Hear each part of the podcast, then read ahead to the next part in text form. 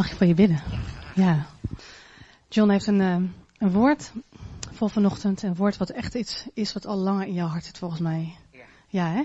En het is een woord waar ik, uh, ja, waar ik zelf ook echt, uh, ja, wat ik koester. En ik ben heel benieuwd wat God gaat spreken door je heen.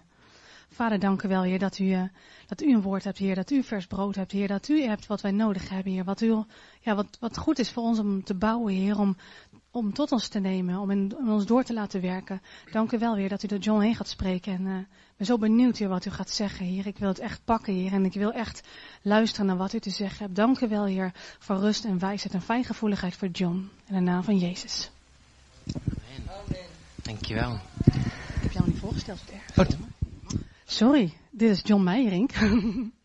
en hij is voorganger van um, de gemeente De Banier, medevoorganger in Almelo. En uh, daarnaast ben je ook directeur van Kings Kids van Jeugd met de Opdracht. En waarschijnlijk nog veel meer. Maar dit zijn de grote dingen, denk ik, of niet? Ja, hè? Ja, het belangrijkste is mijn gezin natuurlijk, hè? Dat begrijp je wel. Dankjewel. Super. Nou, geweldig dat ik hier bij jullie mag zijn. Ook weer na een jaar. Ik had uh, goede herinneringen van de vorige keer. En uh, het is bijzonder om in deze gemeente te mogen komen. Jullie hebben zulke geweldige uh, sprekers die hier komen, geweldige leiders. En dan denk je wel eens van, hier, wat hebben we nog toe te voegen, hè? en uh, ik herinner me nog de vorige keer dat die comfortabele stoelen, dacht ik, goh man, als ik in mijn gemeente zulke stoelen zou hebben, zou iedereen in slaap vallen. Dus dat betekent wel dat jullie hele, een echt een goede gemeente zijn. Dat jullie elke keer wakker zijn om die geweldige sprekers te luisteren. Helemaal geweldig. Um, ik ben samen hier vandaag bij mijn vrouw, met mijn broer en schoonzus. Twee families op stap die straks naar een broer die in Venray woont op, op, bezoek gaan. Maar we vonden het gewoon leuk om met elkaar samen hier uh, vanochtend bij jullie te mogen zijn. Het is een voorrecht. En um, juist ook in de, in de fase waar jullie als gemeente zijn. Ik begreep uh, dat we onze broer Christian en Nathalie gaan missen. Hè? Die gaan naar Aruba.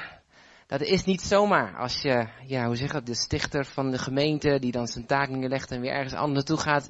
Dan gaat de gemeente ook door een veranderingsproces. En uh, in onze gemeente hebben we net, zijn we een jaar, of eigenlijk een aantal jaren van veranderingen, tenminste in een veranderingsproces, zijn we beland of, of zitten we er middenin. En, uh, maar we kunnen niks anders dan zeggen dat God is goed. En dat Hij uh, precies weet wat we nodig hebben. En uh, wij mogen dan ook voorgaan in een gemeente. Um, en ik geloof ook straks dat wanneer Peter en zijn vrouw hier ook uh, wat actiever uh, betrokken zijn, dat de Heer ook verder gaat bouwen aan het fundament wat hij hier gelegd heeft. En van de week, toen uh, werd ik midden in de nacht werd ik wakker, rond een uur of drie, vier. En op een gegeven moment was de Heer zo duidelijk aan het spreken. En toen dacht ik, toen was ik gauw bij iPhone en het intypen, ik het niet vergeten. En toen zei Tamara, wat doe je nou? Ik zeg, ja, de Heer spreekt. Oh, oké. En toen ging ze omdraaien en ging ze slapen. En ik, uh, en, ik, en ik heb eigenlijk een titel gebracht, afgepakt voor mezelf. En ik denk van, nou, misschien dat we er wat aan hebben. En dat is eigenlijk drie woordjes. Waakzaam, alert en bereidwillig. Waakzaam, alert en bereidwillig. En waar ik met u over ga spreken is over een Godgegeven opdracht die voor u en mij geldt. En ik weet nou al dat wat u, uh, wat u gaat horen, of je moet een cd'tje gaan bestellen, want je pakt het niet in één keer. Of je moet knettergoed aantekeningen gaan maken. Dus u moet even beslissen wat u gaat doen. Aantekening maken, of, ik weet of cd'tjes opgenomen worden, ik heb geen idee. Oh, nou, dan kijk, dan kan je het ook terug. Oh, jullie zijn zo verwend. Goed hé. Ken ook gemeentes die dat helemaal niet hebben. Hè? Die moet je gewoon je Bijbeltje meenemen. Niks beamer, gewoon hup. Jullie hebben allemaal de Bijbel bij u. Geweldig. Goed, we gaan het hebben over waakzaam, alert en bereidwillig. En we gaan beginnen in Genesis hoofdstuk 2, vers, uh, uh, vers, uh, mijn excuses, hoofdstuk 2, vanaf vers 4. En ik ga een aantal versen met u lezen. En um, we gaan het hebben dus over waakzaam, alert en bereidwillig. En uh, nou, ik zou zeggen, in deze comfortabele stoelen, doe de riemen maar vast. We gaan flying in het woord van de Heer. Dus uh, yes, daar komt hij. Genesis hoofdstuk 2, vers 4. En dit is wat uit de hemel en de aarde voortkwam toen zij geschapen werden. Op de dag dat de Heere God aarde en hemel had gemaakt.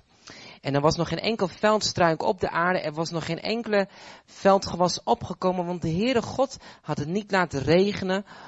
Omdat er geen mens was om de aardebodem te bewerken. Wauw. Herkent u het ook voor uzelf? God heeft soms beloftes voor u klaar liggen. Alleen die komen nog niet tot uiting. En een van de grote condities van die beloftes om tot uiting te komen, tot, tot, tot groei te komen, is wanneer er iemand bereid is, bereidwillig is, om de aarde te bewerken. En er staat maar, een dam steeg uit de aarde op en bevochtigde heel de aardbodem. En toen vormde de Heerde God de mens uit het stof van de aardbodem, blies de levensadem in zijn neusgaat en zo werd de mens tot een levend wezen. Ook plantte de Heer God een hof in Ede in het oosten en hij plaatste daar de mens die hij gevormd had. En de Heere God liet allerlei bomen de aardbodem opkomen, begeerenswaardig om te zien en goed om van te eten. Dan gaan we door naar vers 15. De Heere God nam de mens en zette hem in de hof om die te bewerken en te onderhouden. God plaatst de mens in het hof om te, te bewerken en te onderhouden. En in de grondvertaling staat daar, hij plaatste de mens in het hof om te bewerken, te onderhouden, maar ook om het te beschermen. En het hof is ook wel het symbool voor de plek waar vruchtbaarheid is, waar leven uit voortkomt, waar uh, uh, vermenigvuldiging voortkomt. Alles waar God wil dat we vrucht dragen. En ik weet niet hoe het met u is, maar u bent geplaatst door de Heer in een specifieke plek om vrucht te dragen. Amen. Of het nou je werk is, of het nou jouw baan is, of dat het hier in de gemeente is, een bediening binnen de gemeente, of dat je actief bent bij de voetbal, of dat je uh, gewoon in je gezin bent, in de familie waar je vandaan komt. Overal waar jij geplaatst bent door de Heer, dan denk je, nou ja, mijn familie ben ik niet geplaatst, want ik ben daar gewoon geboren. Maar zelfs al voor de grondlegging van de wereld had God je bedacht dat hij je in dat gezin liet geboren worden. In die familie, dat je daar zou opgroeien. Je bent geplaatst door de Heer met een doel om vrucht te dragen. Amen. Om de aarde en de grond te bewerken. God plaatst je altijd met een God gegeven opdracht. En dat moet je beseffen, want de Heer heeft je niet voor niets ergens neergezet. Hij heeft je hier geplaatst in deze plek. God heeft je gebracht in deze gemeente. Deze gemeente is hier geplaatst. Niet in Almelo, niet in Doetinchem, nee, hier in Zutphen. Met een reden om hier vrucht te dragen. God heeft u hier gebracht in deze gemeente om hier vrucht te dragen. God heeft u geplaatst op uw werk om daar vrucht te dragen. God heeft u bij uw voetbal- of volleybalvereniging gebracht om daar vrucht te dragen. God heeft je een ouders gegeven en een broer en zus gegeven om daar vruchtbaar te, dragen, te zijn. En de Heer heeft je geplant in een plaats.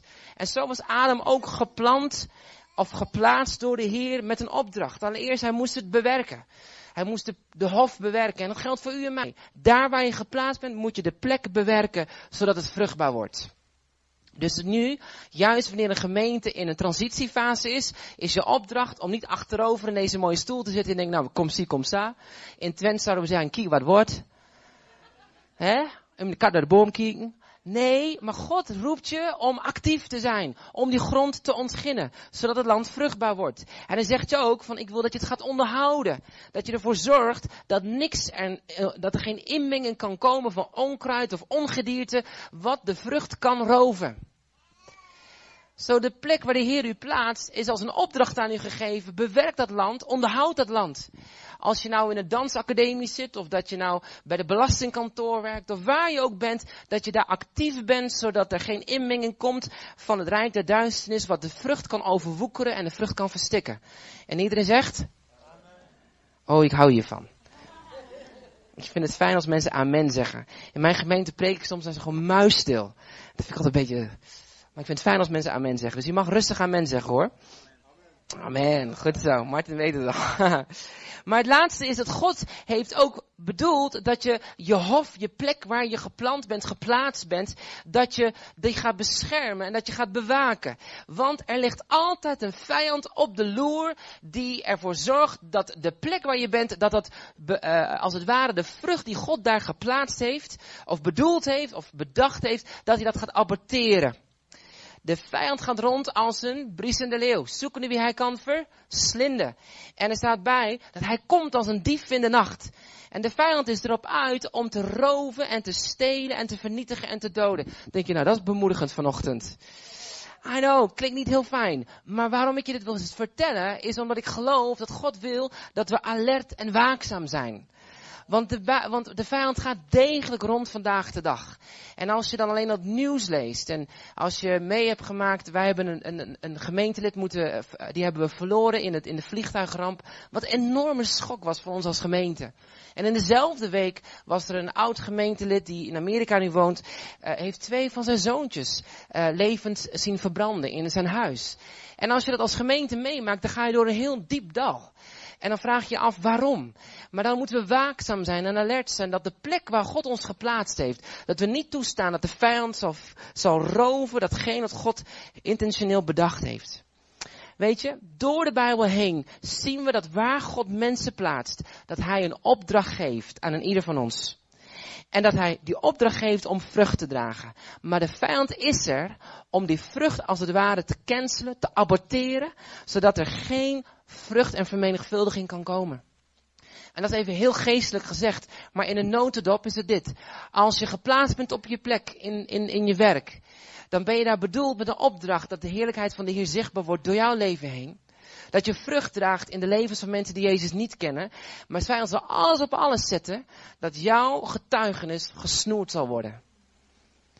Als je geplaatst bent in je familie en in je gezin, dan zal de vijand alles op alles zetten om je mond dood te maken binnen je familie en gezin. Hij zal huwelijken onder vuur gaan brengen. Hij zal situaties onder druk gaan zetten. Waarom? Omdat hij niet wil hebben dat u en ik vrucht dragen voor het koninkrijk van God. Dat wij leven doorgeven. Amen. En daarom weer terug naar wat jullie als gemeente ook gekregen hebben. Jullie DNA. Leef, leef boven natuurlijk. Leef in die relatie met Jezus. Leef met je hart naar elkaar, naar de mensen om je heen. Maar leef het ook uit in de missie. En die missie, daar weet Satan alles van.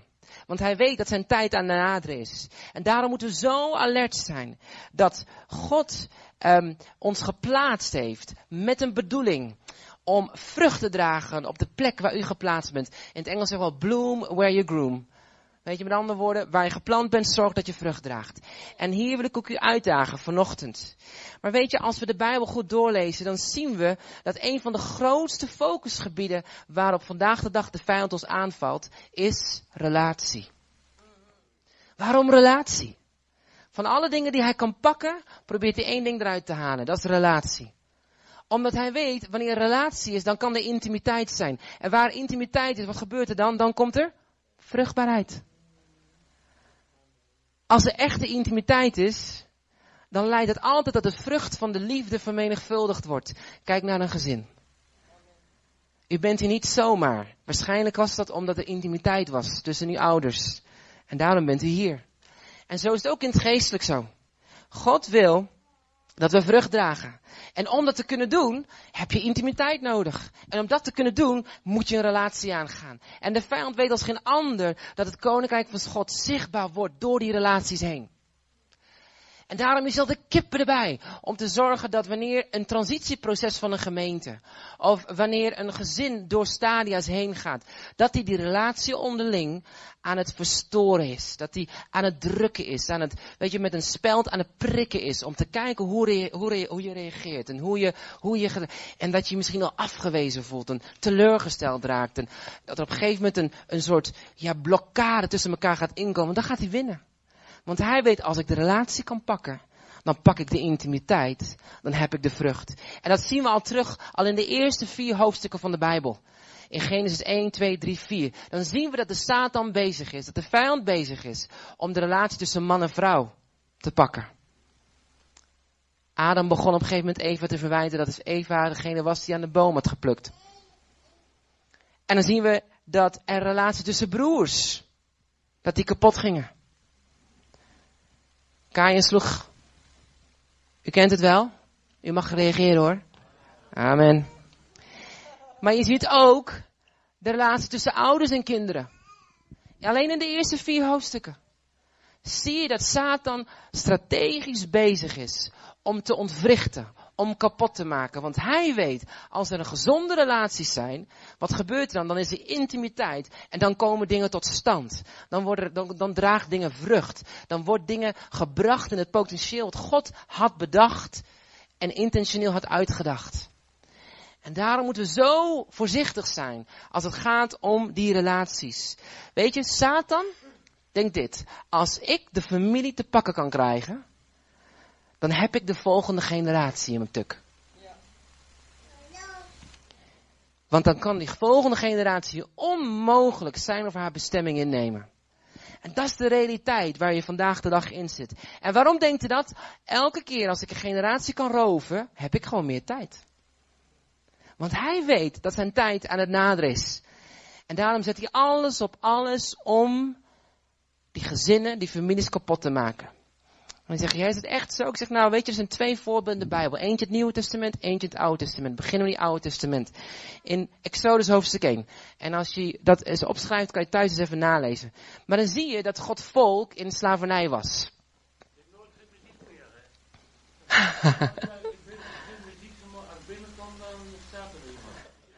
Amen, dan mag je ook luisteren. Goed, ga lekker zitten. Welkom. De vijand hield het volk van God in slavernij. En de gezinnen werden onderdrukt. En God hoorde de pijn en verzuchting van het volk en hij dacht aan hun. En God dacht, ik stuur een redder om mijn volk te bevrijden uit het land Egypte. En wat was de reactie van de vijand? Hmm, ik ga ze nog meer onderdrukken. En hoe meer ze onderdrukt werden, wat gebeurde er toen?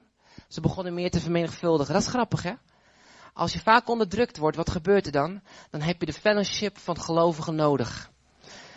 Als je onder pijn en moeite gaat, dan heb je nodig dat je aangevuurd wordt. Want daar waar je relaties gaat verbinden, dan komt intimiteit. Ga je groeien, draag je meer vrucht. Maar hier gaat het verder. Satan dacht bij zichzelf, nee, ik moet zorgen dat die generatie die God bedoeld heeft om het volk te bevrijden, dat ga ik, tot, dat ga ik aborteren, dat plan. En hij vernietigde al die jongetjes van het volk van Israël. Een van de gruwelijkste genocides in de Bijbel. Al die jongens werden in de Nijl gedropt als levend voer voor de krokodillen. Heftig. Heftig. En waarom? Omdat Satan wist, als ik die generatie kan pakken, als ik die gezinnen kan pakken, dan kan ik die jongere generatie pakken. Die jongere generatie pakken, dan heb ik de bestemming van het hele volk. Dan heb ik ze voor eeuwig in slavernij. Maar weet je, er was iemand die was waakzaam. Er was iemand die was alert. Er was iemand die was bereidwillig. En dat was Jochebed, de moeder van Mozes. Ze wist dat ze dat kindje moest beschermen. Drie maanden lang beschermde ze dat kindje. En vervolgens, toen het niet meer langer beschermd kon worden, had ze het in een, rieten mandje gelegd en op het, op het water gebracht. Hè? En er staat erbij dat op een gegeven moment kwam de zus, wow, familie, van Mozes, die liep mee en hield dat mandje in de gaten. Er waren twee mensen, de moeder en de zus, waren bereidwillig die waren waakzaam en alert om te zorgen dat wat God had bedoeld om dat niet te laten roven. Een tweede voorbeeld vinden we terug in, in Matthäus, in het Nieuwe Testament, bij de geboorte van Jezus. Opnieuw was het volk van God onderdrukt. Opnieuw was er strijd. Nu waren de Romeinen die hadden het land ingenomen. En wat staat daar? Um, dat opnieuw dacht God aan de Israëlieten. En hij dacht aan zijn volk. Maar niet alleen maar aan het volk en het welzijn van zijn volk, nee, maar aan de hele wereld. Hij dacht, ik breng een redder voort die de hele wereld vrij zou maken. En wie was dat? Dat was Jezus. En opnieuw wist Satan van het plan van God. Ik moet het gaan stoppen. Dus laat ik alles op alles zetten om die generatie te roven. En wat deed hij? Wat werd er vermoord? Allemaal jongetjes. De tweede grootste genocide in de Bijbel. Gesproken, al die kinderen werden vermoord. Waarom? Omdat Satan wist, als ik die generatie te pakken kan hebben, dan heb ik de redding van de wereld in mijn hand. Maar er was iemand die was waakzaam. Maar er was iemand die was alert. Er was iemand die bereidwillig was. En dit was het Jozef. Jozef, de man van Maria, kreeg een droom van de Heer en nam Jezus mee terug naar Egypte. Ook een heel mooi parallel met het eerste verhaal. En Jozef nam die vaderlijke rol op zich ten opzichte van Jezus. En als een vader beschermde hij deze zoon, die door God gezonden was om de wereld te bevrijden. Wie is er bereidwillig? Wie is er waakzaam? Wie is er alert? En weet je, vandaag de dag zie je enorme aanval op relaties en op gezinnen, op families. We zien gezinnen verscheurd door echtscheiding. We zien gezinnen kapot gemaakt door problemen, door verdriet, door ziekte, door sterfgevallen. We zien ruzies tussen ouders en kinderen, broers en zussen. We zien gebroken relaties. We zien in één keer alternatieve vormen van relaties. En zelfs in de kerk zien we terugkomen. Um, we zien vrij en open seksuele contacten. We zien verslavingen. Zien gameverslavingen, seksverslavingen, alcoholmisbruik, drugs, oorlog, geweld, kinderprostitutie, et cetera, et cetera. De aanval op gezinnen is misschien nog wel heviger dan wat er in de Bijbel was verteld in, in Genesis en in Matthäus. Vandaag de dag is die aanval heel reëel. En mijn broeders en zusters, u bent in een gemeente wat draait om leven.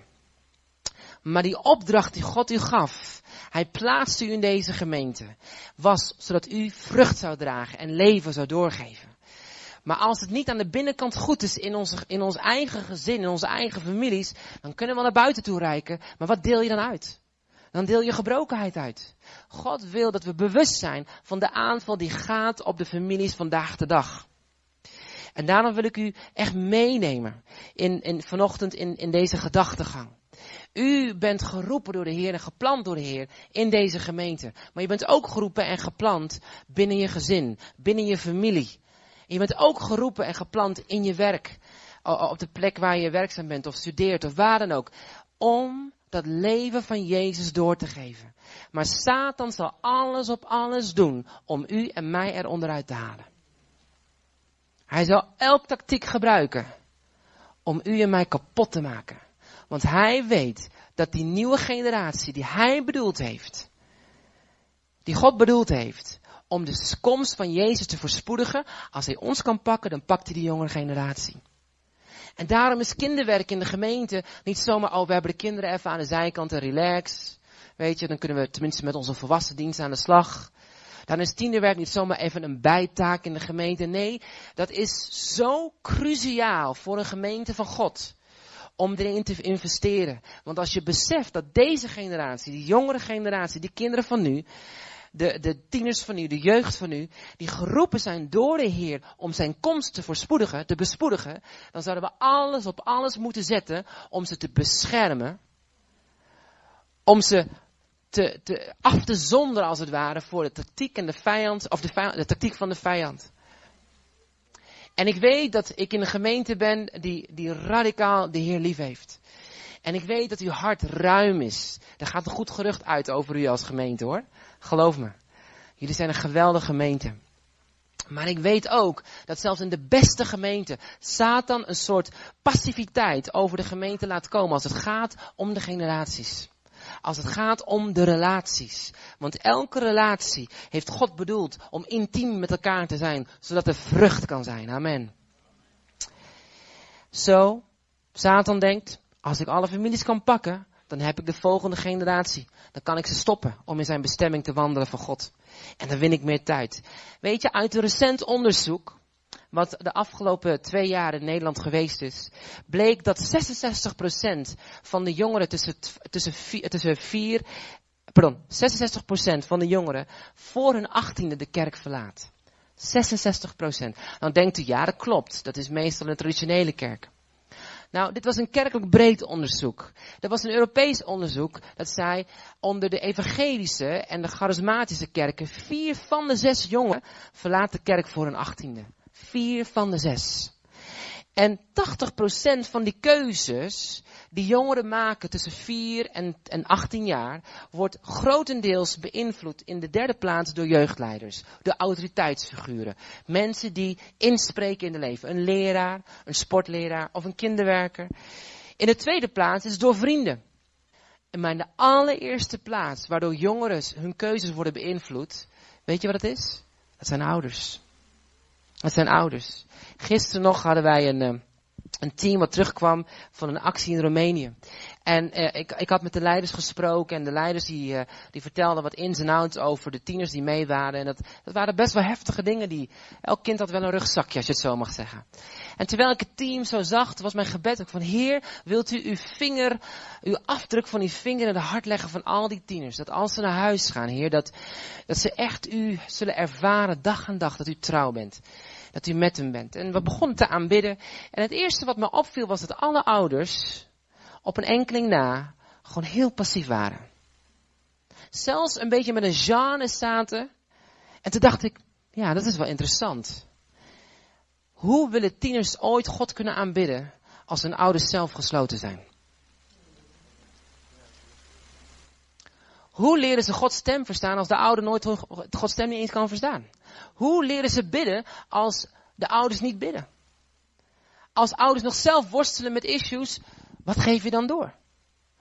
En, en zo, ik, ik was geschokt en geraakt door wat ik zag met mijn ogen. En velen zouden zeggen, nou John, als, op gebaseerd van dat onderzoek, dan zou de kerk binnen 10 en 15 jaar uitgestorven zijn. En dan zouden heel veel zeggen, er is gewoon geen hoop. Maar weet je, ik wil vanochtend zeggen, er is hoop. Er is leven. Er is een nieuw begin. Maar het begint wel dat wij waakzaam, alert en beschikbaar moeten zijn. Om net als Jochebed, om net als, als, als, als de zus Mirjam uh, van Mozes, om net als Jozef bereid te zijn om te zien wat God doet in de volgende generatie. En op te gaan staan en zeggen, nee, halt. Ik laat niet verder toe dat de vijand gaat roven wat God bedoeld heeft in mijn gezin, binnen mijn familie, binnen mijn werk, binnen deze gemeente, binnen Zutphen en omgeving, want God heeft mij hier geplaatst. Hij heeft me geplaatst, net als een Adam, om te bewaken, te beschermen en te zorgen dat, dat het land ontgonnen wordt. En ik laat het niet toe dat deze generatie wordt geroofd. Amen. Amen. Weet je, Gods hart is dit. Habakkuk, gaan we even lezen. Hoofdstuk 2, vers 14. Habakkuk, hoofdstuk 2, vers 14.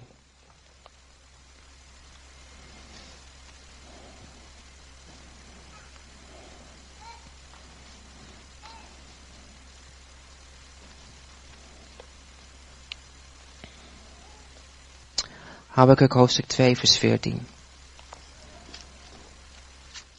En er staat, want de aarde zal vol worden met de kennis van de heerlijkheid van de Heer. Zoals het water de bodem van de zee bedekt. Daar onderstreept het woordje kennis van de heerlijkheid van de Heer. Want wat daarmee bedoeld wordt, is eigenlijk dat ieder mens Jezus intiem zal leren kennen als zijn vriend, verlosser en redder. God wil dat u hem intiem kent. Want als je Jezus intiem kent, wat heb je dan? Een relatie. En dan draag je weer vrucht dan overal waar je komt, dan, dan door jou heen ben je de afdruk van de heerlijkheid van de Heer. Hebreeën hoofdstuk 1 vers 2 zegt dat Jezus was de afdruk van de heerlijkheid van God. Overal waar hij kwam was hij als een soort kopietje en drukte hij de stempel van God neer in zijn omgeving. Dat is wat u en ik onze opdracht is. God wil dat de hele wereld hem kent. En hoe doet hij dat? Allereerst door twee belangrijke strategieën. Allereerst door de kracht van de generaties. Amen. Hoeveel mensen hebben we hier die boven de 60 zijn? Kan u uw hand even opsteken als u boven de 60 bent? Yes. De pioniers, de krachtige mensen in onze gemeente. En, en iedereen tussen de 25 en dan de 60. Een groot gedeelte. Ja, yeah. heel geweldig. En iedereen die onder de 25 is, inclusief de kinderen erachter, ja, dat zijn wij. Geweldig. Ja, ik ben 35 hoor, ik lijk 25. Nee, grapje. De kracht van de generaties. Een van de grootste strategieën waarop God de heerlijkheid van, oh sorry, zijn heerlijkheid de, uh, de aarde wil uh, vervullen, is door de generaties heen. Um, nou, we kunnen over dit onderwerp zeven dagen gaan praten. En dan zes uur per dag. En dan zijn we nog niet uitgepraat. Dus ik geef u een verkorte versie. Is dat oké? Is genoeg stof om nog samen eens even door te gaan worstelen. Exodus hoofdstuk 3 vers 13 en 15 spreekt dat God zegt, ik ben de God van uw vaderen. De God van Abraham. De God van Isaac en Jacob. Met andere woorden, ik ben God en ik verbind me aan alle drie de generaties. Aan jong, middenleeftijd en oud. Ik verbind me aan de, aan de grootouders, de ouders en de kinderen. Hij is de God van drie generaties. En in de Handelingen 2 vers 17 staat ook dat God zijn geest uitstort over al het vlees. En er staat er weer zo mooi bij. Er staat erbij, uw zonen zullen profiteren, dat zijn de jongeren. Uw jonge mannen zullen visioenen zien, dat zijn de ouderen. De, of de ouders. En uw ouderen, dat zijn de grootouders, zullen uw dromen dromen. Wauw. God heeft nooit bedoeld dat één generatie op zichzelf zou staan. Dat één generatie hem kent. Hij heeft altijd bedoeld dat hij die drie generaties uh, samen zouden gaan. Dat ze samen zouden gaan werken. En er staat ook bij in Handelingen 16 vers 31, zoek dat maar eens na. Er staat erbij, gelooft in de Heer Jezus, u en uw huis. Nou, wat het woord huis staat, in het Grieks staat daar familie. Dus ook je broer en zus die Jezus niet kent. Ook jouw kinderen die misschien de Heer kwijt zijn geraakt. De Heers intentie is dat ieder in het huis hem kent. Ieder in de familie. Iedereen. Dat is zijn hart. En er staat bij dat God zijn geest uitstort op die drie generaties. Waarom? Zodat wat hij intentioneel wilt, verlangt, dat dat tot stand komt. Want één generatie wordt door de Heer geroepen, maar heeft vaak de tweede en de derde nodig om het tot stand te brengen. Als je de Bijbel goed leest, dan zie je terug dat God, wanneer God één generatie roept, of riep, pardon, dan dat hij de andere twee, drie nodig had om het tot stand te brengen. Mozes werd geroepen om het volk uit te leiden. Jozef werd geroepen om het land in bezit te nemen. En de derde generatie, en daar ging het mis. En toen was het trouble. Je kent die woord, hè? Dus hoe doet God dat? Allereerst met Malachi 4 vers 5 en 7. Hoe laat God deze generatie samenwerken? En het begint bij een heel eenvoudig, maar een heel fundamenteel principe. En er staat in Malachi 4 vers 5 tot 7. Dat Hij, God, of daar staat eigenlijk een klein letter hij. Dat staat voor iets anders, maar leg ik je zo uit. Er staat hij zal het hart van de vader verbinden aan het hart van de zoon. En de hart van de zoon zal verbonden worden aan het hart van de vader. En waarom? Zodat God het land niet zal bezoeken met een vloek, maar het zal zegenen. Oeh, come on. Pakt u wat ik zeg? Ja. Als we verandering willen zien, wat hebben we dan nodig? Niet alleen maar grote evangelisatiecampagnes hoor. Nee, dan hebben we nodig dat de hart van de vader uitgaat naar het hart van de zoon. En het hart van de zoon teruggaat naar het hart van de vader. Dat geldt ook voor dochters hè? en moeders. Dat het hart van de ouders teruggaat naar het hart van de kinderen. En het hart teruggaat van de kinderen naar de ouders.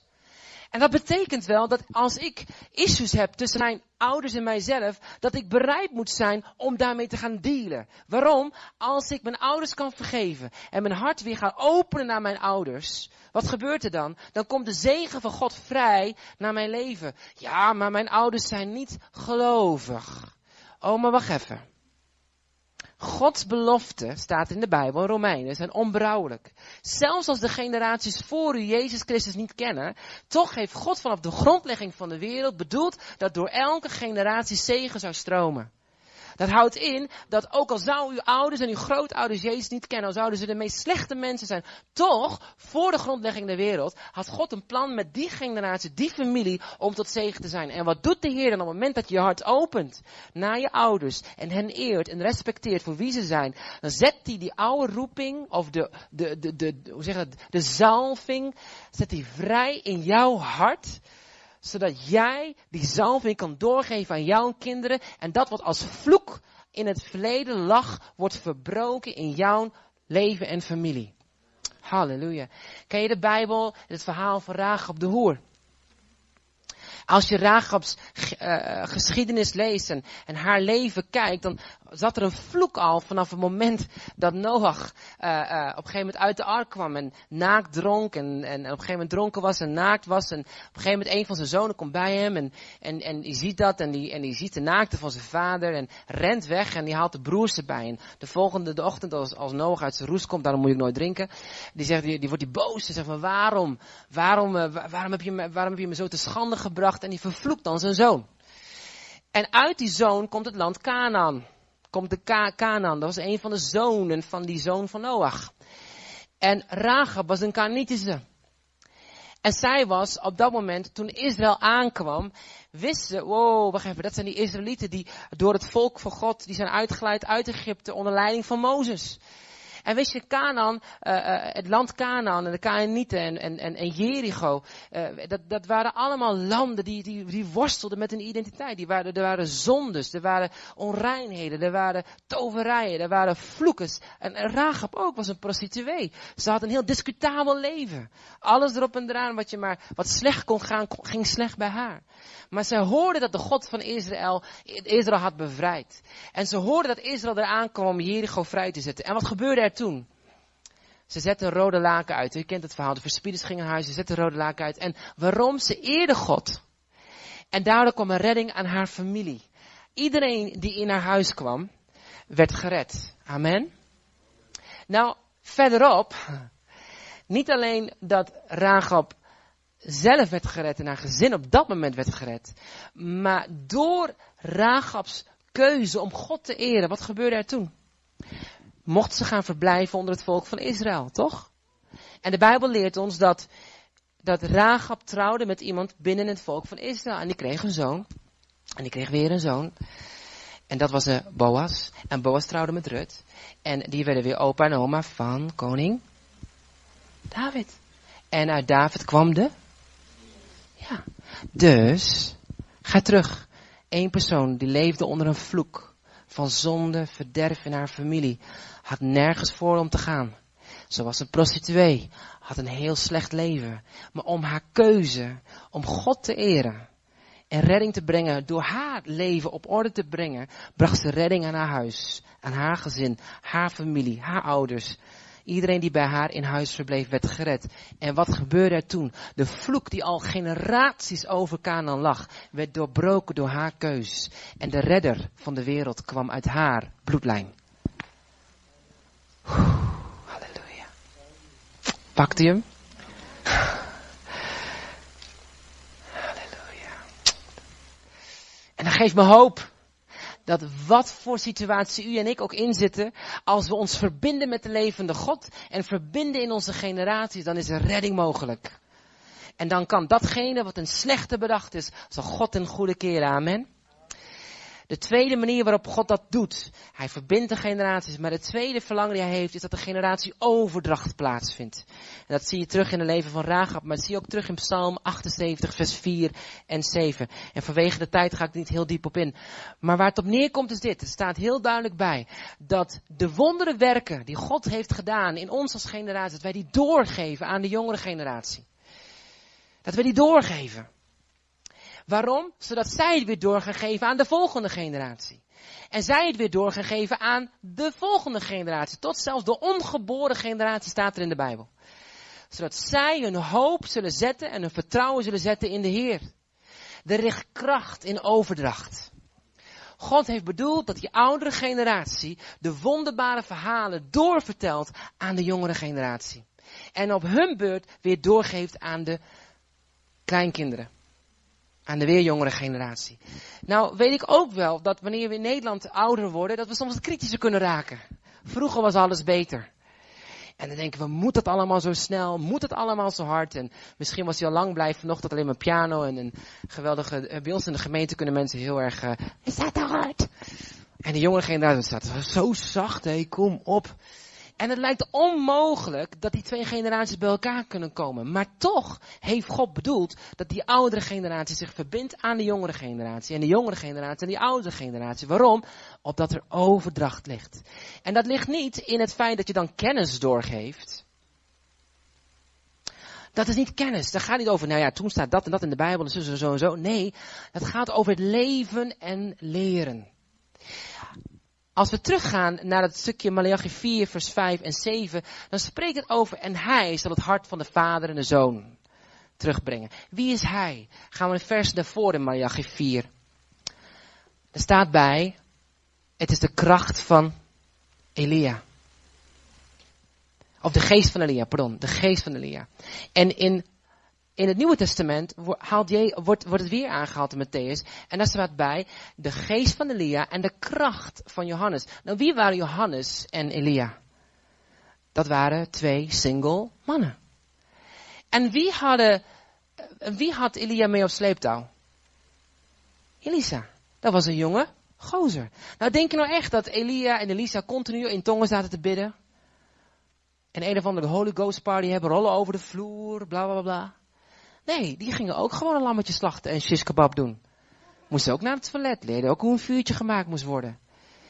En, en hier zie je dat, dat Elia leefde zijn leven uit samen met de jongere generatie. Om hun te leren in de wegen van de Heer. Ook in het praktische. Ook in het simpele dagelijkse dingen doen. Als we dan een tour hebben van King's Kids of zelfs dan onze tienerwerk in de gemeente, dan sta je verbaasd over hoeveel jonge kinderen gewoon niet weten hoe ze moeten schoonmaken.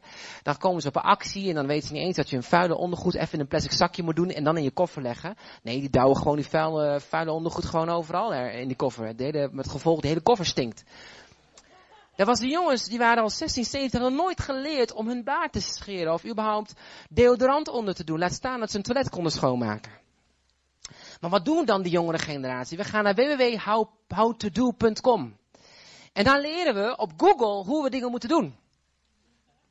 Google. Of all things, you know. En er is niemand die met de jongeren meewandelt om hen te leren wat het is om een man te worden en een vrouw te worden van God. En zo zie je dat zoveel jongeren vandaag de dag worstelen met vragen van wie ben ik, waar ga ik naartoe, wat is mijn identiteit, omdat er niemand is die die overdracht geeft. Ik deed een onderzoek uh, in jeugdgroepen. Want in de Bijbel spreekt er over dat God de Vader op een gegeven moment de opdracht gaf aan Jacob om zijn zonen te gaan zegenen, handen op te gaan leggen en te gaan profiteren over de, en dat noemen ze de vaderlijke zegen. En ook Jezus maakte zoiets mee toen hij opstond uit de doop. Dat de Heer kwam als een duif. De hand van God ging op de zoon. En Jezus zei, of God zei tegen Jezus, je bent mijn geliefde zoon in wie ik een welbehagen heb. Wow, hij sprak waarde uit, overdracht. En, en, en, wat, en, wat, en toen vroeg ik dus aan de jongeren van, hey, wie heeft het ooit meegemaakt dat je vader dan jou roept en, dan, naar voren komt en dan de handen op je legt en, en vertelt wie je bent? Nou, nul. Ik ging van jeugdgroep naar jeugdgroep, echt waar, serieus, niemand maakt dat mee.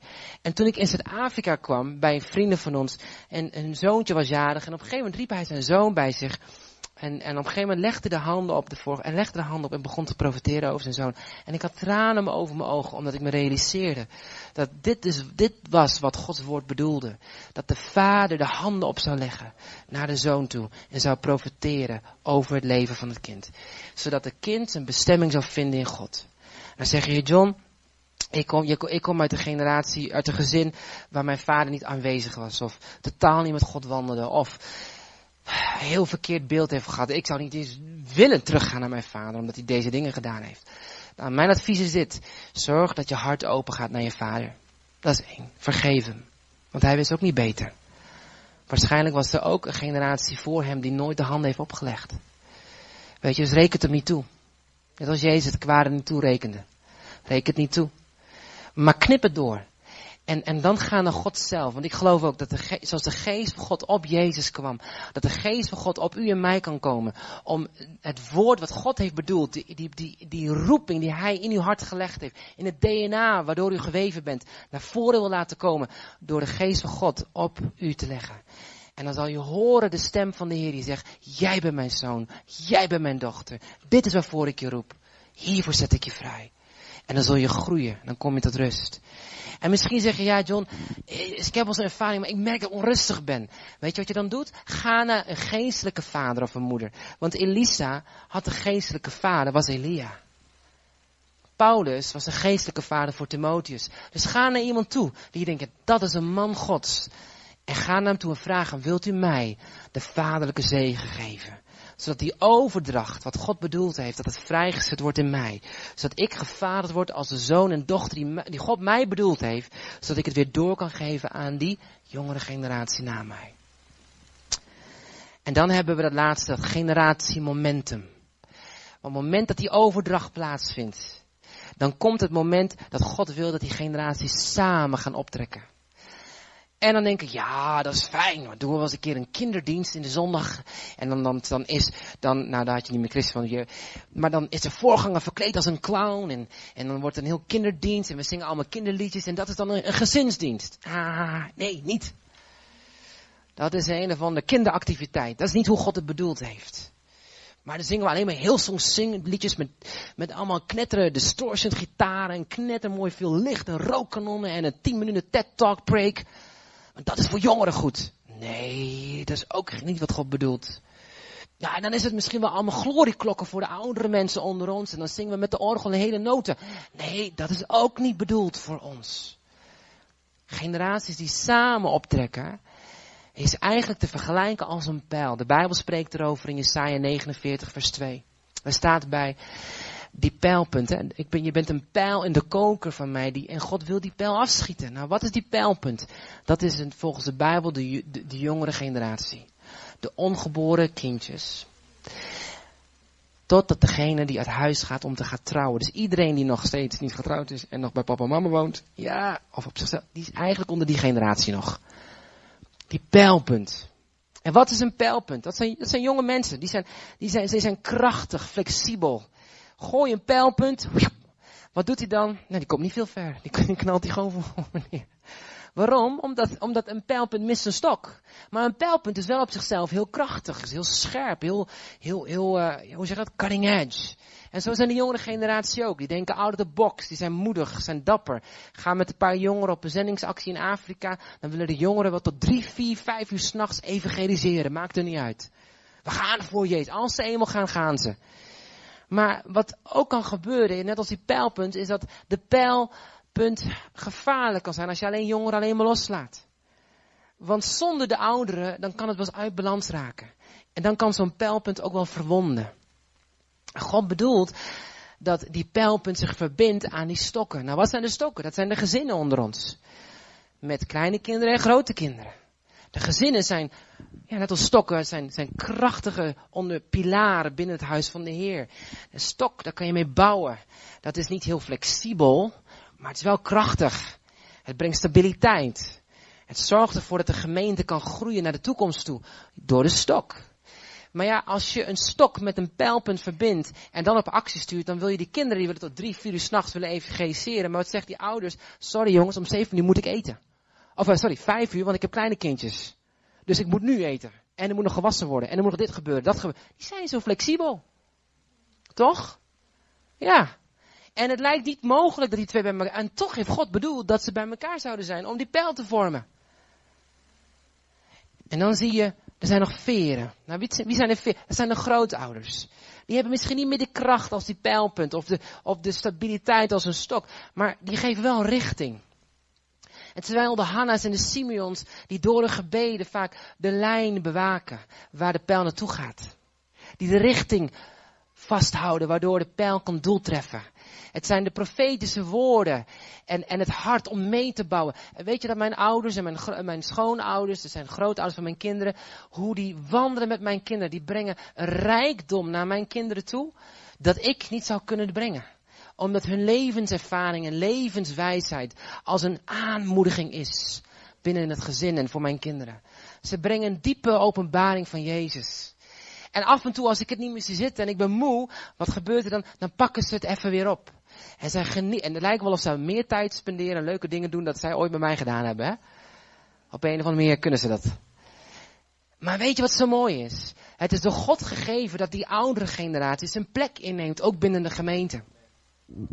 Als we alleen maar voor de jongeren zouden gaan, dan zijn we niet met Gods plan bezig. Als we alleen maar met de gezinnen zouden gaan, zijn we ook niet met Gods plan bezig. Als we alleen maar met die ouderen zouden gaan en we zouden alleen maar leuke tijd hebben met elkaar als ouderen, zijn we ook met Gods plan bezig. God wil dat die drie generaties samen gaan. Zodat ze samen een pijlpunt zijn. En samen alleen kan je je doel treffen.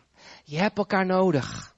Juist wanneer de gemeente een verandering aan het gaan, of, uh, gaande is binnen de gemeente, wanneer je door een proces aan het gaan bent, dan heeft God jullie alle drie nodig om je plek in te nemen. En waarom is die geestelijke generatie zo belangrijk binnen dat geestelijke gezin als een, als een gemeente? Is omdat binnen de natuurlijke familie deze drie generaties vaak gebroken zijn. Er zit zoveel pijn vaak tussen ouders en kinderen, tussen kleinkinderen en grootouders. En gisteren nog vertelde iemand tegen mij, zei van, ja, mijn opa is jarig, maar mijn moeder wil niet naar mijn opa toe, want er is pijn en van het verleden uit. En ja, wat moet ik nou doen? En ik zei, doe wat de Heer Jezus in je hart legt. Hij zei, ik heb geen issue met mijn opa. Ik wil hem gewoon zegenen. Ik zei, ga. Doen. Hele families hebben EO de verandering nodig. Of hoe heet het andere programma van de, de familiediner nodig. om een stuk herstel te gaan ervaren. Maar dat is niet wat God bedoeld heeft. Satan heeft gezorgd dat als ik, als ik oneenigheid kan brengen binnen dat gezin, die biologische familie, wat gebeurt er dan? Dan heb ik gebroken gasten binnen een kerk. En als er een kerk dus gebroken is door de gebroken gezinnen in de familie, ja, wat gebeurt er? Dan is die kerk gebroken. En dan kan ze nooit een stem van eenheid en daadkracht laten zien aan een stad die gebroken is. Zo, we moeten ernst maken om te zorgen dat binnen onze gemeente, dat we als een pijl functioneren, dat we verbinden, dat we overdracht hebben, dat we samen optrekken, zodat er een ander geluid gezien kan worden in de biologische families. En daar waar de biologische families gebroken zijn, dan wil ik je uitdagen om een stand in te nemen, net als Adam, en te zeggen van, oké, nou, alhoewel Adam had natuurlijk een beetje een foute actie gedaan, maar net als Jezus, de nieuwe Adam, die op een gegeven moment een stand innam en zei van, ik, ik ga niet verder. Dit is, ik bewaak en bescherm dit gebied. Dit is door God gegeven aan mij. Deze relaties laat ik niet roven. Um, weet je wat zo mooi is? In Lucas 19, vers 5, en daar wil ik mee afsluiten. Er staat in dat Jezus, die liep op een gegeven moment in een, een dorp langs en, er waren allerlei mensen. En er was een kleine man genaamd Zacchaeus. En die, kon de die zag Jezus niet, want hij was klein van stuk. Dus wat deed hij? Hij rende de boom in, hè? En, en, en hij ging kijken naar Jezus. En van al die mensen die daar waren, die op Jezus indrongen, terwijl Jezus daar liep, stond Zacchaeus in de boom. En Jezus zag hem. En zei, Zacchaeus, wat doe je daar in die boom? En werd helemaal shock natuurlijk. En op een gegeven moment nodigt Jezus, of Zacchaeus Jezus uit om te komen eten in zijn huis. Ik ken dat verhaal, hè? En soms kan het zijn als zondag dat we net als Zacchaeus, we komen naar de kerk, we komen hier in de gemeente en dan dan lopen we naar binnen, we groeten elkaar, het is druk en nou, we gaan lekker achterin zitten of voorin zitten en, en we klimmen als het ware de boom in en we zien Jezus voorbij trekken. Yeah, Jezus, we zingen voor hem en we gaan weer terug. En daar was Jezus. Maar Jezus stond stil en, hij zei van, Zacchaeus, kom uit de boom. Ik wil heden bij jou in jouw huis vertoeven. Ik wil bij jou zijn. Ik wil bij jou komen wonen. En weet je wat zo mooi is? Hij zei, bij mij? Ja, bij jou. En hij nodigde Jezus uit in zijn huis. Nou, het woordje huis, wat daar spreekt, spreekt niet over vier gebouwen. Of uh, vier muren. vier gebouwen, had een heel groot huis. Um, maar over vier muren. Nee, wat het daar sprak, was over het Griekse woordje familie. Zacchaeus nodigde Jezus uit in zijn familie, in zijn huis. En dat is eigenlijk de opdracht die God ons wil geven, ook vandaag. Hij zegt tegen u en mij, geweldig dat je komt naar mijn huis. Maar mag ik deel zijn van jouw huis? Mag ik deel zijn van jouw leven? Mag ik deel zijn in jouw, in alles wat je doet? Niet één keer in de week, maar in alles wat je doet. Datgene zijn die de eregast is, de hoofdpersoon is. Mag ik dat leven schenken in jouw leven? Jezus wil deel zijn van ons familieleven, van ons dagelijks leven. En het is voor velen een uitdaging. Maar er was een, een man genaamd George Whitfield, die zei wel eens, als je ooit een opwekking van goddelijkheid wil zien in je stad of land, dan zal je eerst een opwekking van goddelijkheid moeten zien in je eigen familie, in je eigen gezin. Amen. En dat is moeilijk. Dat is de battleground. Want weet u, de, de, de relatie vader-moeder is een directe afspiegeling van Gods karakter naar kinderen toe. 80% van hun kinderen tussen 4 en 14, hun keuze wordt beïnvloed in eerste instantie door hun ouders. Dat wil niet zeggen dat alles wat de ouders doen, dat dat dan dat, dat, dat de reden is waarom kinderen weg. Nee, de Bijbel spreekt over elke generatie heeft een eigen keus. En je moet doen zo goed als God je geleerd Maar als je nalatig bent, ja, dan heeft dat impact. Als je Jezus niet betrekt als deel van jouw dagelijks leven, dan heeft dat impact. Als je zelf geblokkeerd bent naar God toe, dan heeft dat impact. Als je zelf nog worstelt met zonde, heeft dat impact. Als je zelf nog door dingen heen gaat en niet opruimt en niet verbindt, niet vergeeft, niet, dan heeft dat impact. Dat noemen ze generatie vloek. Nou, daar, daar, neem ik aan dat jullie al heel veel lessen over gehad hebben als gemeente. Maar ik wil je een bemoedigend verhaal vertellen. Oh, eigenlijk twee. De eerste was dat Derek Prince op een dag een keer wakker werd. Of tenminste, de Heer gaf hem een droom. En hij werd wakker en op een gegeven moment kwam de stem van God en die zei van, als je denkt succes te willen hebben in de wereld, maar niet, maar in je, in je familie, als, als daar het evangelie niet werkt, dan heb je eigenlijk simpelweg gezegd, gefaald in mijn ogen, zei de Heer. Poeh, dat was een klap voor deze spreker. En God daagt hem uit om zijn familie op orde te brengen. God daagt hem uit om een shift te brengen in zijn. En je ziet ook als je zijn boek leest en je ziet als je zijn autobiografie, dat er een shift kwam in zijn bediening. Eerst was alles naar buiten. En toen in één keer ontdekte, nee, nee, nee. Dat evangelie, wat buiten moet werken, begint als het eerst gaat werken in mijn huis. Een tweede verhaal was van een voorganger in Zweden, Lewis Petrus. Die man was een bekende meneer en een bekende gemeente. Maar had twee zonen die de Heer niet wandelden. Er waren twee tienerzonen die rebelleerden. Uh, en en die, die wandelden met God niet. En op een dag toen sprak de Heer vanuit Timotheus tot, tot, tot, um, tot Lewis. En, en, en hij had het idee dat hij zijn voorgangerschap moest neerleggen. Omdat zijn zonen Jezus niet kenden. Dus hij stond voor de kansel en hij zei gemeente. En hij las een stuk voor en zei... Ik, ik wil mijn taak neerleggen. En die gemeente natuurlijk een complete shock. De voorganger legt zijn taak neer. Waarom? Hij legde uit waarom. Iedereen was muis. En op een gegeven moment begon iedereen met elkaar te praten. Het was een rumoer. En op een gegeven moment komt een oudste naar voren en zegt... Pastor Lewis, alsjeblieft, wilt u gewoon voorganger blijven? Het is onze fout dat wij u van uw huis hebben weggetrokken. Wij waren degene die continu u belden. Wij waren degene die beroep op u deden, waardoor er niet thuis kon zijn. Het was onze fout dat wij met onze problemen naar u toe gingen in plaats van er zelf mee aan de slag gingen. Wilt u ons vergeven? Maar alsjeblieft, blijf aan. Wilt u voor ons, wij, willen, wij kiezen ervoor om voor u en uw gezin te gaan bidden. Zolang, net zolang totdat uw kinderen tot geloof komen. Binnen een jaar tijd kwamen deze twee zonen tot geloof. Ik geloof dat we als gemeente voor een punt staan, dat we moeten bidden voor de volgende generatie dat we net als, als dat besef van die roeping van God, dat we waakzaam zijn, alert zijn en bereidwillig zijn om te zeggen nee, we laten niet toe dat onze generaties in deze gemeente geroofd gaan worden. En datgene wat al geroofd is, gaan we terug zien komen. Door het gebed van ons als rechtvaardigen. De sleutel is, Deuteronomium 6 vers 4 en 9, dat staat zo mooi. Leef het uit in je eigen hart. En dan in je dagelijks leven. Als je opstaat, als je wakker wordt, als je onderweg bent op de A50, je staat in de file en iemand snijdt je af, dat je niet de lofvinger geeft, maar dat je hem zegen met een bon. Halleluja. Als iemand je negatief behandelt, oh nee, dat je niet terugreageert, nee, dat je gewoon reageert als God wil dat je reageert. Als iemand je teleurgesteld heeft, dat je vergeeft. Daar waar je man of vrouw Jezus nog niet kent, dat je zo leeft dat de genade van Jezus zichtbaar is door jou heen. Elke keer weer opnieuw. Naar je man, naar je vrouw. Ook al doet hij rare dingen, dat je blijft van die persoon houden. Dat je hem blijft zegen. Dat je zijn kussen zalf met olie. Dat je blijft bidden voor je kinderen. Dat je ze dient en eert zoals God dat van je vraagt. Niet dat je terugdenkt, ja nou ja, ik ga maar scheiden, want ja, ja, er is toch geen hoop. Nee, dat is wat Satan wil. Maar God wil dat redding komt aan jouw huis omdat jij net als Rahab die keus maakt om God te eren in de eerste plaats. Daar waar huwelijken koud zijn geworden, dat je zegt, nee schat, we zijn misschien wat ver weg van elkaar geraakt, maar ik wil terug naar de warmte en de intimiteit, zodat wij samen vruchtbaar zijn.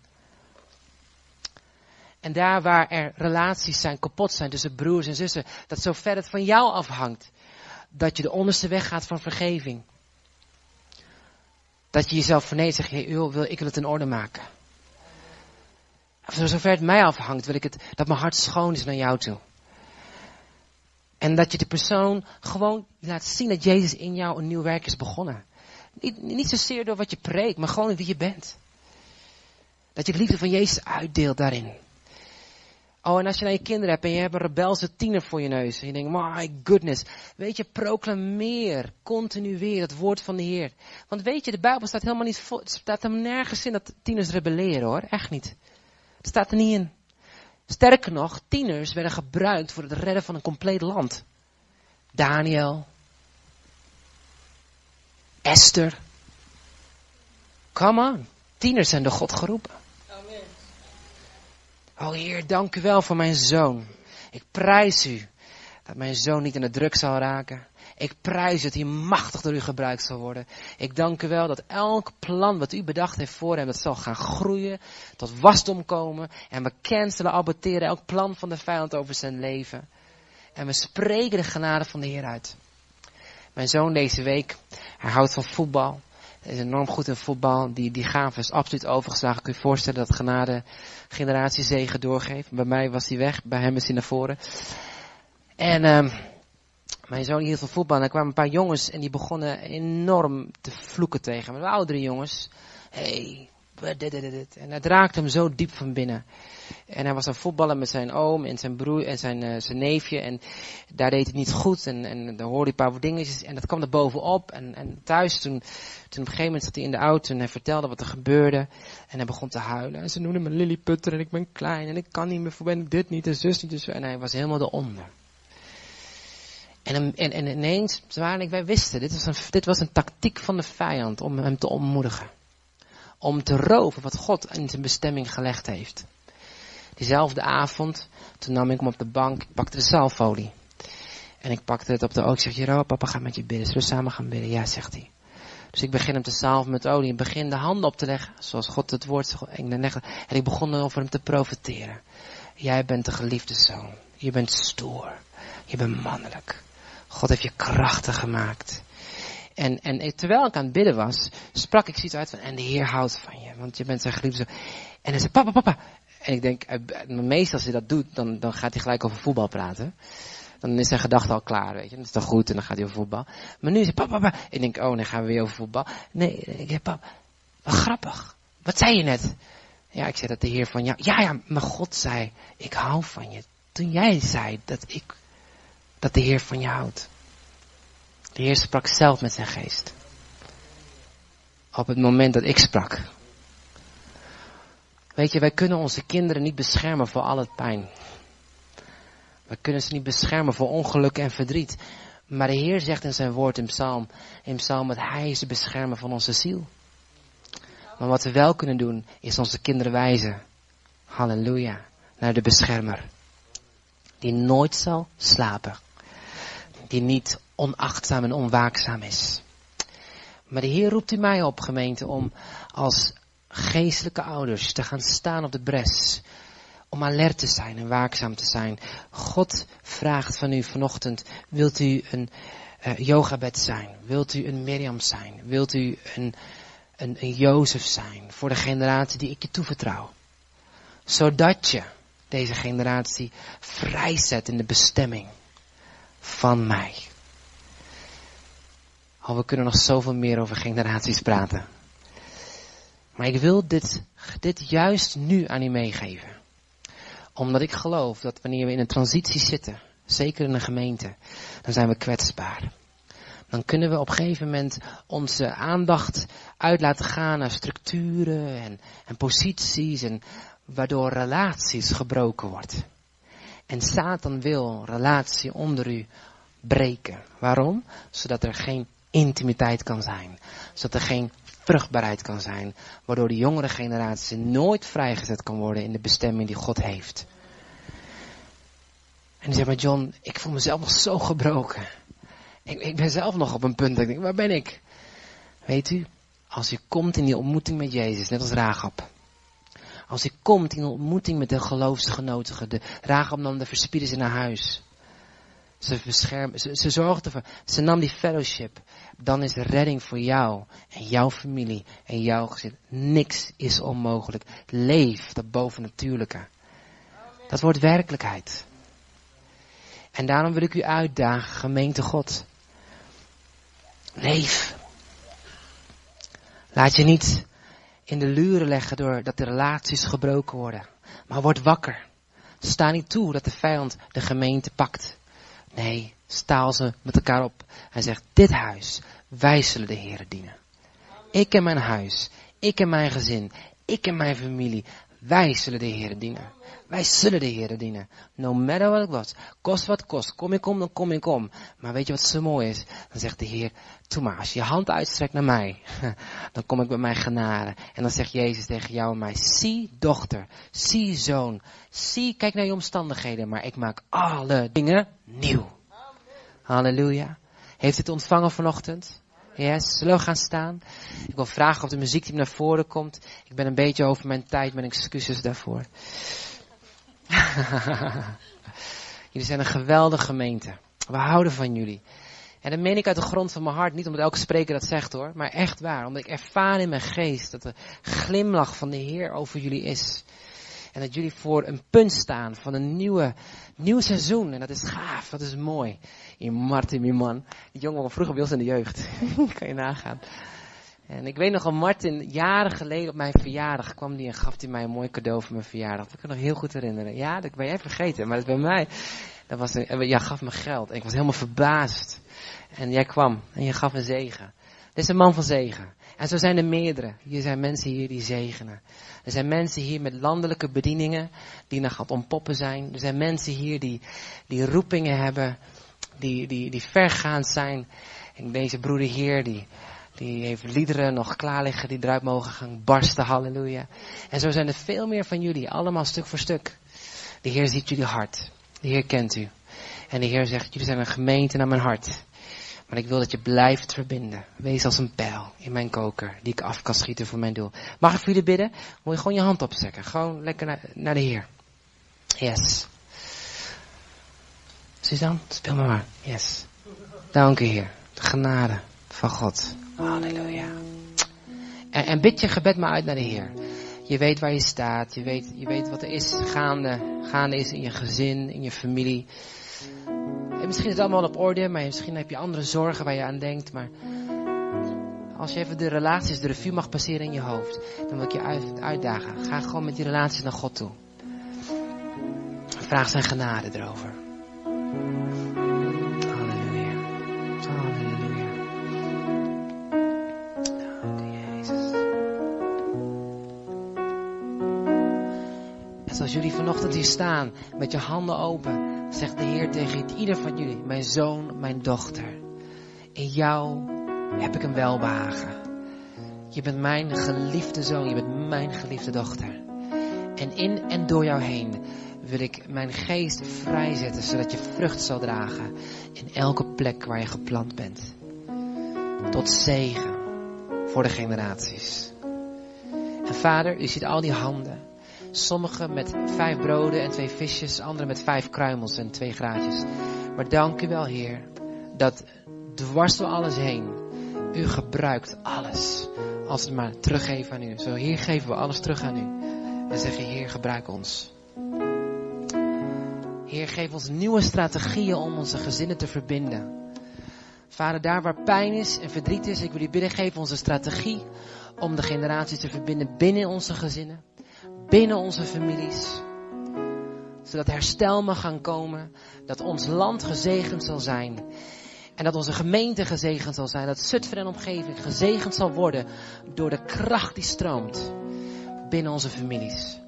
En Heer, elk aanval die de vijand heeft losgelaten op de gezinnen, vertegenwoordigd hier in onze midden. Op de singles, op de families, daar waar gebrokenheid is, echtscheiding is geweest. Daar waar pijn en, en, en, en ellende is geweest. Hier in de naam van Jezus, we snijden door al die aanvallen. We zeggen, Satan, je, we roepen je een toe in de machtige naam van Jezus. De Heere bestraffen je. We zetten de genade van God vrij over elk van deze families in Jezus naam. Zodat ze in een bestemming zullen wandelen. Zij in hun huis zullen in de, de dienen. Zij zullen de Heere groot maken en uitleven. Halleluja. En dank u wel, Heer, dat dat wat onmogelijk lijkt, wordt mogelijk bij u. Dank u wel dat vaders hun hart zullen verbinden aan zonen en zonen hart aan hun vaders.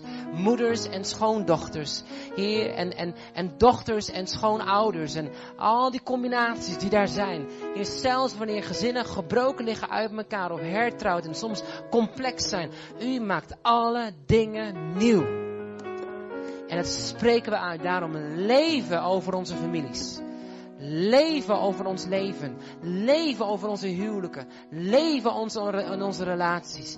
En Heer, we willen uw woord daarin zuiver houden. Heer, wanneer we verkering hebben, wanneer we, uh, ja, Heer, wandelen met elkaar, dat we uw woord in acht zullen hebben. Dat we, niet dat we ons niet besmetten, Heer, door vroegtijdig met elkaar naar bed te gaan of whatever. Nee, dat we onze huwelijken, onze relaties zuiver houden totdat we waardig zijn. Heer, voor de ander. Omdat we ja gezegd hebben tegen u en tegen elkaar.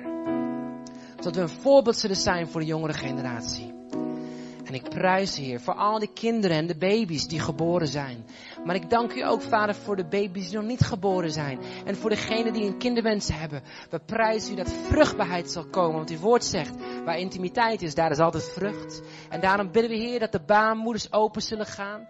We bidden, Heer, dat er vrucht mag gaan komen in de naam van Jezus. Dat de kinderwensen tot, tot leven gewekt zullen gaan worden. En daar, Heer, waar het natuurlijke misschien niet mogelijk is, zal u het geestelijke rijkdom geven, Heer. Die zo diep zal vervullen. Halleluja. En daar, Heer, waar ziekte heerst in de families. Heer, daar waar pijn is in de families. Heer, door, door sterven, verdriet. Heer, dank u dat u troost brengt in de familie. En dank u, Heer, dat wat weggenomen is, u gaat teruggeven. Op een nieuwe manier. Heer, als ouders hun kinderen verloren hebben. Of waar kinderen hun ouders verloren hebben. Prijs uw naam, Heer.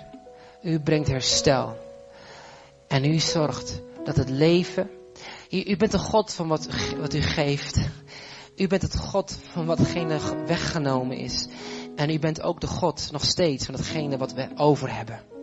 En uw woord zegt ook, en het is een profetisch woord voor sommigen onder ons, dat datgene wat weggenomen is, soms kan je daar met weemoed naar kijken, maar de Heer zegt, ik ben nog steeds de God van wat over is. En datgene wat over is, zegt de Heer, daar laat ik een nieuwe, nieuwe lood uitschieten als de boom omgehakt. Al is er geen vrucht meer voor jou in je fysieke oog, maar er zal een nieuw iets ontspruiten van leven. God zegt dat pijn en verdriet, wat, wat je ervaart in je hart van het gemis. De Heer zegt, ik zal iets teruggeven in de plaats, wat je leven zal vervullen met beleidschap. En je zal uitgaan en uittrekken in, in jubelgezang. En datgene wat je verloren hebt, zal weer aangevuld worden met mijn rijkdom. Want ik ben de God die geeft, ik ben de God die neemt, maar ik ben ook de God wat van de overblijft. Halleluja.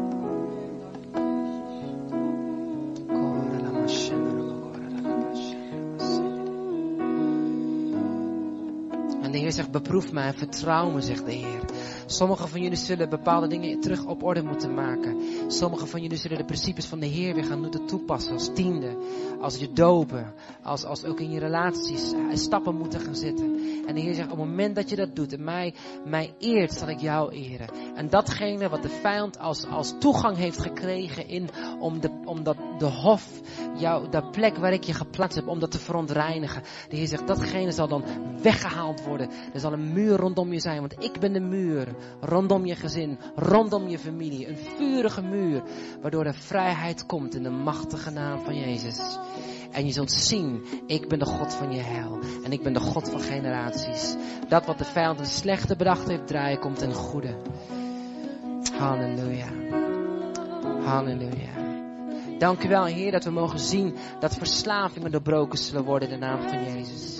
Dat mensen die jarenlang aan drugs en drank hebben gezeten, Heer, vrij worden, Heer, van verslaving in Jezus' naam.